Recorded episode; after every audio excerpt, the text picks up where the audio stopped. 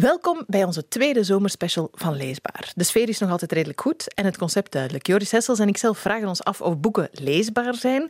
Maar omdat het in de vakantie eens zo belangrijk is om je leespret niet te bederven, kan ik al verklappen, we hebben vandaag vijf uiterst leesbare boeken bij. Klopt, hè, Joris? Dat klopt helemaal. En de sfeer is eigenlijk heel goed, hè, want augustus, de maand waar we dus heden in vertoeven, of als je later luistert, ah, augustus blijft augustus, is mijn favoriete maand. Ja, want je bent jarig, hè?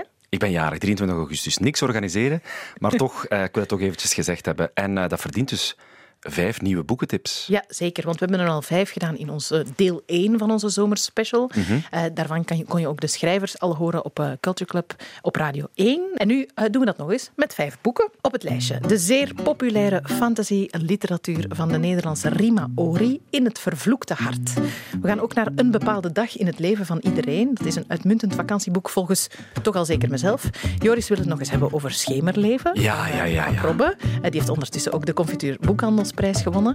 En hij las ook eh, de nieuwste graphic novel van Michael Olbrechts. Galapagos. En ik heb nog de beste vertaling van het jaar bij. Morgen en morgen en morgen van eh, Gabriel Sevin. Oh, het vervloekte hart. Eh, dat is een boek dat ik heel graag wilde lezen, want Nederlandse schrijfster Rima Ori die is echt supergeliefd uh, bij het Vlaamse publiek en bij het Nederlandse publiek. Dat bleek uit, ook uit de aflevering van Read This, onze collega uh, boekenpodcasters hier op VRT, met Shania Go Goris. En uh, Jasmin en Jonas waren er ook bij. En die geven misschien wel het grootste compliment dat jeugd kan geven aan een boek momenteel. Wat vonden jullie ervan? Keigoed. Vond super, ja. Ah, de schrijfster, dat is echt een fantastisch mens. Die schrijft heel goede boeken. En de plot en de manier waarop dat hij dat ook schrijft, want het is dus Nederlands. Ja. En ik ben normaal meer voor de Engelse boeken. Maar zij schrijft dat zo mooi. Ja, ik vond het echt fantastisch. Ik ben ook meer voor de Engelse. Dit is nu echt jaren geleden dat ik nog iets van een Nederlandstalige schrijfster of schrijver heb gelezen. En ik vond op zich het wel fijn om te lezen, maar niet mijn type van boek. Het is zo wat meer horror in mijn ogen. Wat ik wel tof vond aan het boek was dat er ook wel zo hints naar onze geschiedenis waren. Je hoorde Shania Goris onder andere. Mhm. Ja, boektokkers die lezen vooral in het Engels. Je ziet dat ook nu als je in boekhandels komt. Uh, overal Engelse young adult boeken, zeker. Uh, maar dit boek kan daar dus gewoon naast gaan staan. Met de boekathon waren er echt zo fans die kwamen kijken naar Rima Ori, Ja. uh, die daar op bezoek was. Wat maakt haar zo speciaal? Ja, ze kan een hele bijzondere wereld creëren. Want in het vervloekte hart, we komen in een, een land terecht dat niet per se bestaat. We zijn ergens, er zijn verschillende volkeren. Mensen wonen in hutten en werken veel op het land. En vooral, er is de bloedmaan. Uh, dat wil zeggen, als de maan zo wat rodig kleurt, dat kennen wij ook, dan uh, gebeuren er vreselijke dingen in die, op die plek. Dus dan verschijnen er monsters en dan moet je vooral in je huis blijven. Je mag zeker niet buiten zijn, want dan kan je alleen maar doodgaan. Daar komt het eigenlijk op neer. Mm -hmm. Maar soms worden er ook kinderen geboren tijdens die bloedmaan. En dat zijn dan bloedkinderen. En dan worden die eigenlijk als baby vermoord. Dat is de regel, want die, dat, dat kan daar niet. Dat zijn vreselijke wezens dan. En dus mogen die er niet zijn. Maar Priya, het hoofdpersonage van dit boek, is door haar moeder wat verzwegen die eerste dagen, waardoor het leek dat ze niet tijdens de bloedmaan geboren was. En heeft dat dus overleefd. Mm -hmm. um, en is ze een van de bloedkinderen van die plek waar we zijn. Um, dat klinkt allemaal fantasy, dat is het dus ook. Ja, en, maar het is, als ik Shania hoor spreken, zij spreekt zelfs van horror. Ja, want dus het is wel met monsters en krachten, en, en, maar dat voelt allemaal als zeer vanzelfsprekend wanneer Rima Ori jou dat vertelt. Dan heb je gewoon Priya die in dat gezin woont en er wordt een test georganiseerd op een bepaald moment in hun dorp. Um, en als je die test wint, dan mag je in het leger, want er is ook een burgeroorlog gaande. Er dus, zijn een soort guerrilla-strijders. En als je die test wint, dan kan je voor, je voor je land en voor je volk gaan vechten. En daar dromen dus veel mensen van. Maar vooral de zus van Priya, want zij wordt klaargestoomd. Zij heeft al heel haar leven dat ze onderwezen wordt om die test te kunnen winnen. Hm. Maar Priya wil ook weg uit die plek, omdat ze daar niet kan zijn wie ze is.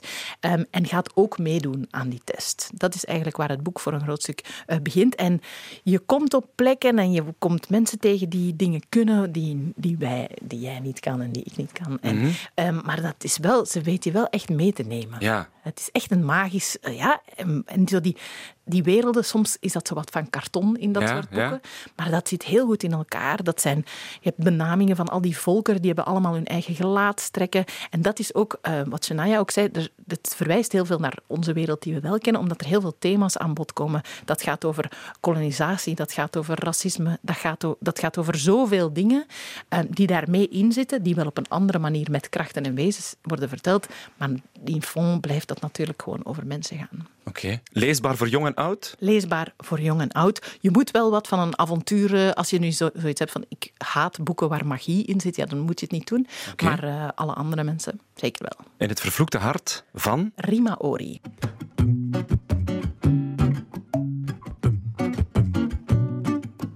Alsof het niets is, springen wij naar de tweede boekentip. Jazeker. Alice, Ja. wat heb je nog voor ons en ja, iedereen die luistert in petto? Een boek van al iets langer geleden. Eh, De naam Stijn Franke, zegt hij jou iets?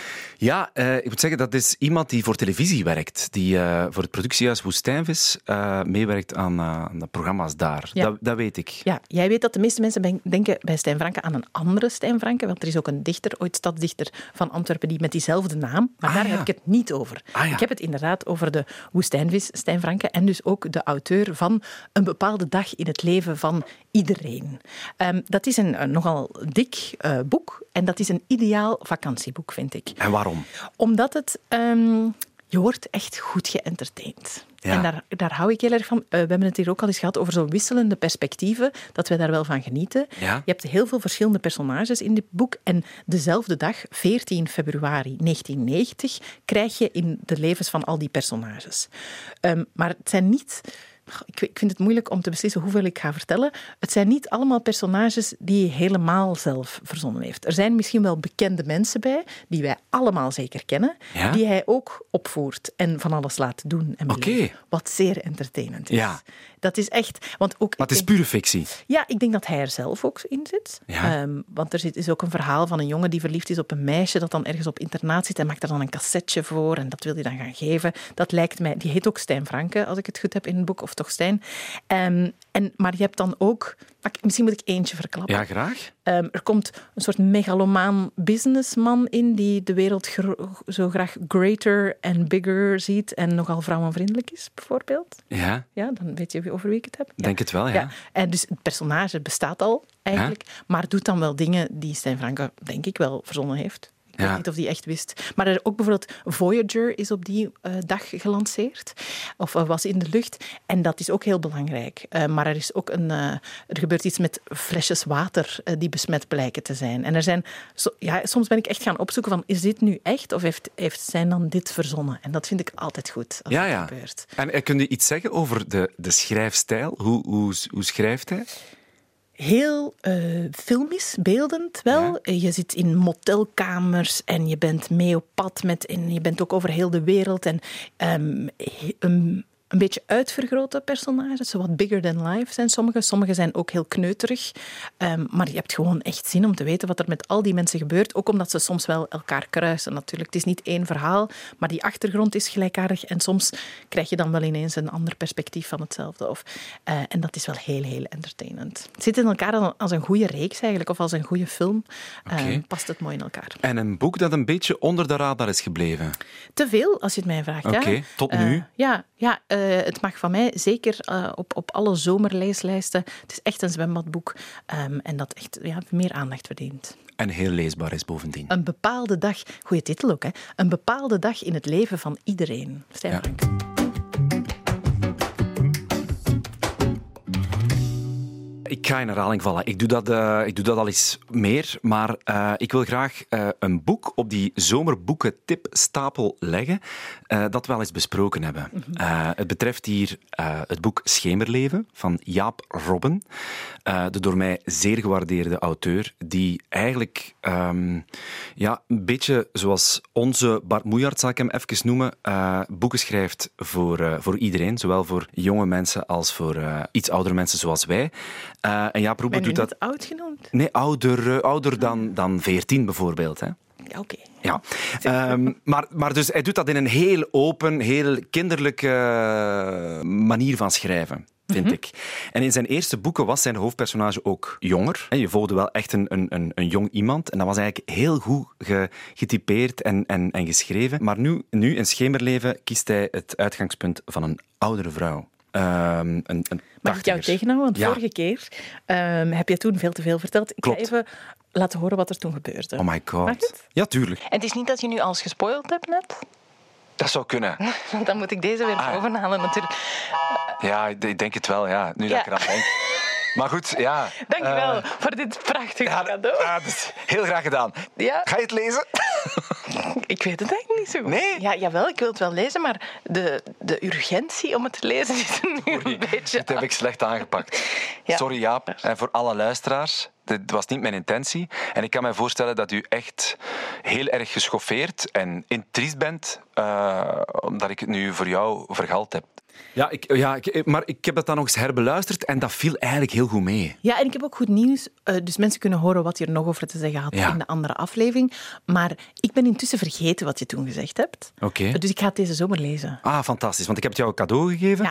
Eh, gewoon heel kort. Eh, Frida is een oudere vrouw, neemt afscheid van, van, van haar man die, die, die voor haar eh, sterft. Ehm, zij gaat dus naar een woonzorgcentrum en ehm, je hebt het afscheid van de man in eerste instantie. En in tweede instantie krijg je ook een inkijk in het schemerleven. Het leven daar waar een schemer boven hangt en waar een soort geheim rond hangt van, eh, van Frida. En dat is zeer, zeer de moeite waard om eh, in augustus tot u te nemen. Schemerleven van Jaap Robbe, uiterst leesbaar. Ik was even bang dat je gewoon opnieuw hetzelfde ging zeggen. Had gekund. Had gekund, hè? Ja, het had gekund, maar je hebt het niet gedaan. En ik Dank je. ben zeer, zeer trots op jou.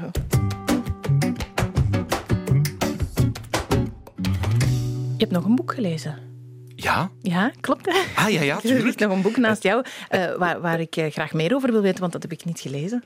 Het ligt hier bij mij. Eh, ehm, ik heb het speciaal meegebracht omdat het ook echt een heel mooi boek is. Het Ik is niet de, het, het gewone boekformaat. Het is een iets groter, ik denk bijna A4 Ja. eh, formaat. En het betreft hier een heuse graphic novel. Ja. Nu, ik ben niet thuis in die wereld. Ik ken een naam als Brecht Evens wel, Judith van Istendaal. Maar daar stopt het dan, eh, jammer genoeg voor mij wel. Maar deze Michael Olbrechts, dat is de, de auteur van Galapagos. Je zegt dat heel goed, vind ik. Ja, Galapagos-affaire. Zegt u dat iets? Nee, ik ken alleen Galapagos eiland of eilanden. Ja, dat is een eilandengroep, een archipel. Ehm, en het, het, het verhaal van deze Galapagos gaat eigenlijk over, eh, over twee mensen, Friedrich Rieter en Dore Strauch. Die gaan in 1929 gaan die alles achterlaten eh, in, in, in, in de moderne wereld waar ze in leven. Ehm, ik denk dat het Berlijn was dat ze achterlaten. eh, om eh, te gaan leven en een nieuw leven te starten.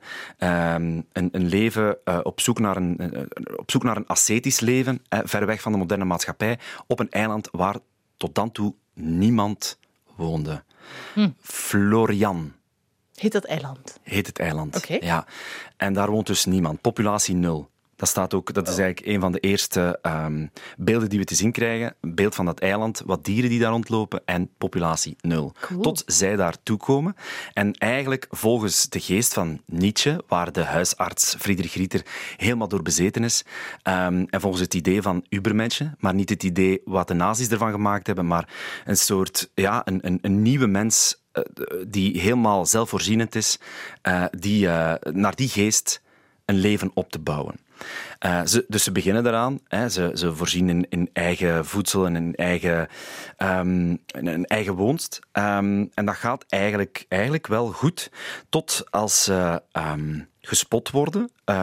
tot als iemand in Berlijn te horen krijgt van eh, de, de, de Adam en Eva van Galapagos, want zo worden ze genoemd. Dan wordt een artikel eh, gepubliceerd en dan beginnen er eh, van allerlei mensen toe te komen op dat eiland. En dan ontspint zich er een hele affaire. Ehm, en wat eigenlijk grappig is, ehm, en ik, ik hou daar wel van, eh, een van de eerste bladzijden staat gebaseerd op waar gebeurde feiten. Dus het is eigenlijk een waar gebeurd verhaal. Eh, je krijgt er dus heel die affaire wordt dus, wordt dus heel mooi, met mooie tekeningen, eh, heel mooi verteld. En op het einde krijg je dan ook nog eens, zoals het in elke biopic is, eh, de, de foto's van de echte Friedrich Rieter en de echte Doris Strauch en de echte barones, die nogal een, een, een, een troebel, eh, getormenteerd figuur is, die ook voor, voor wat amok zorgt op dat eiland. Ehm, het is, een, het, is een, het is een heel mooi verteld verhaal, wat eigenlijk uh, ja, de perfecte lezen valt in een, in een, in een zomer als deze, Op of in een een zomer van de volgende zomer. Op een eiland bijvoorbeeld, of aan een zwembad, of thuis gewoon, in, in, in, een, eh, in een zetel. Ehm, ik, vond het, ik, vond, ik vond het wel echt, eh, echt de moeite, en ik had er eigenlijk nog nooit van gehoord.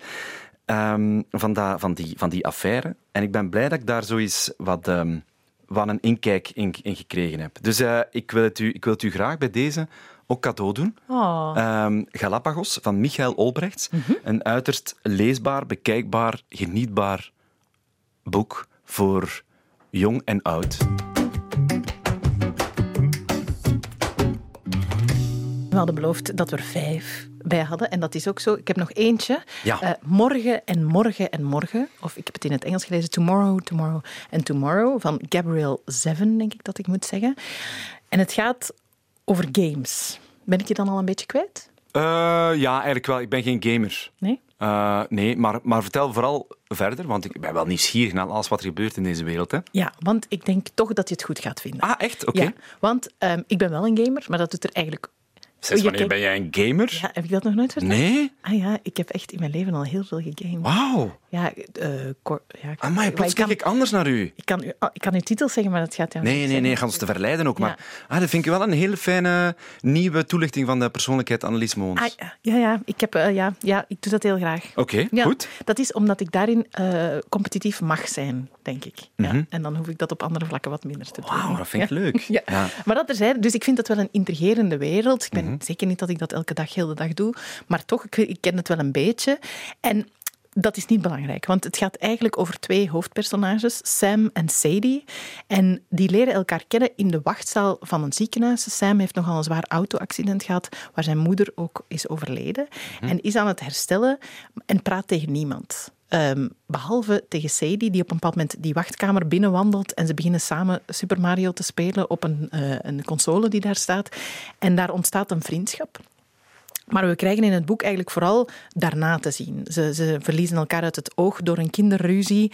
Ehm, en zoveel jaar later komen ze elkaar tegen terwijl ze op eh, universiteiten vlak bij elkaar aan het studeren zijn. En Sadie geeft Sam een disketje, een, eh, een computerdiskette, eh, waarop een van haar eerste games staat die ze zelf heeft gemaakt.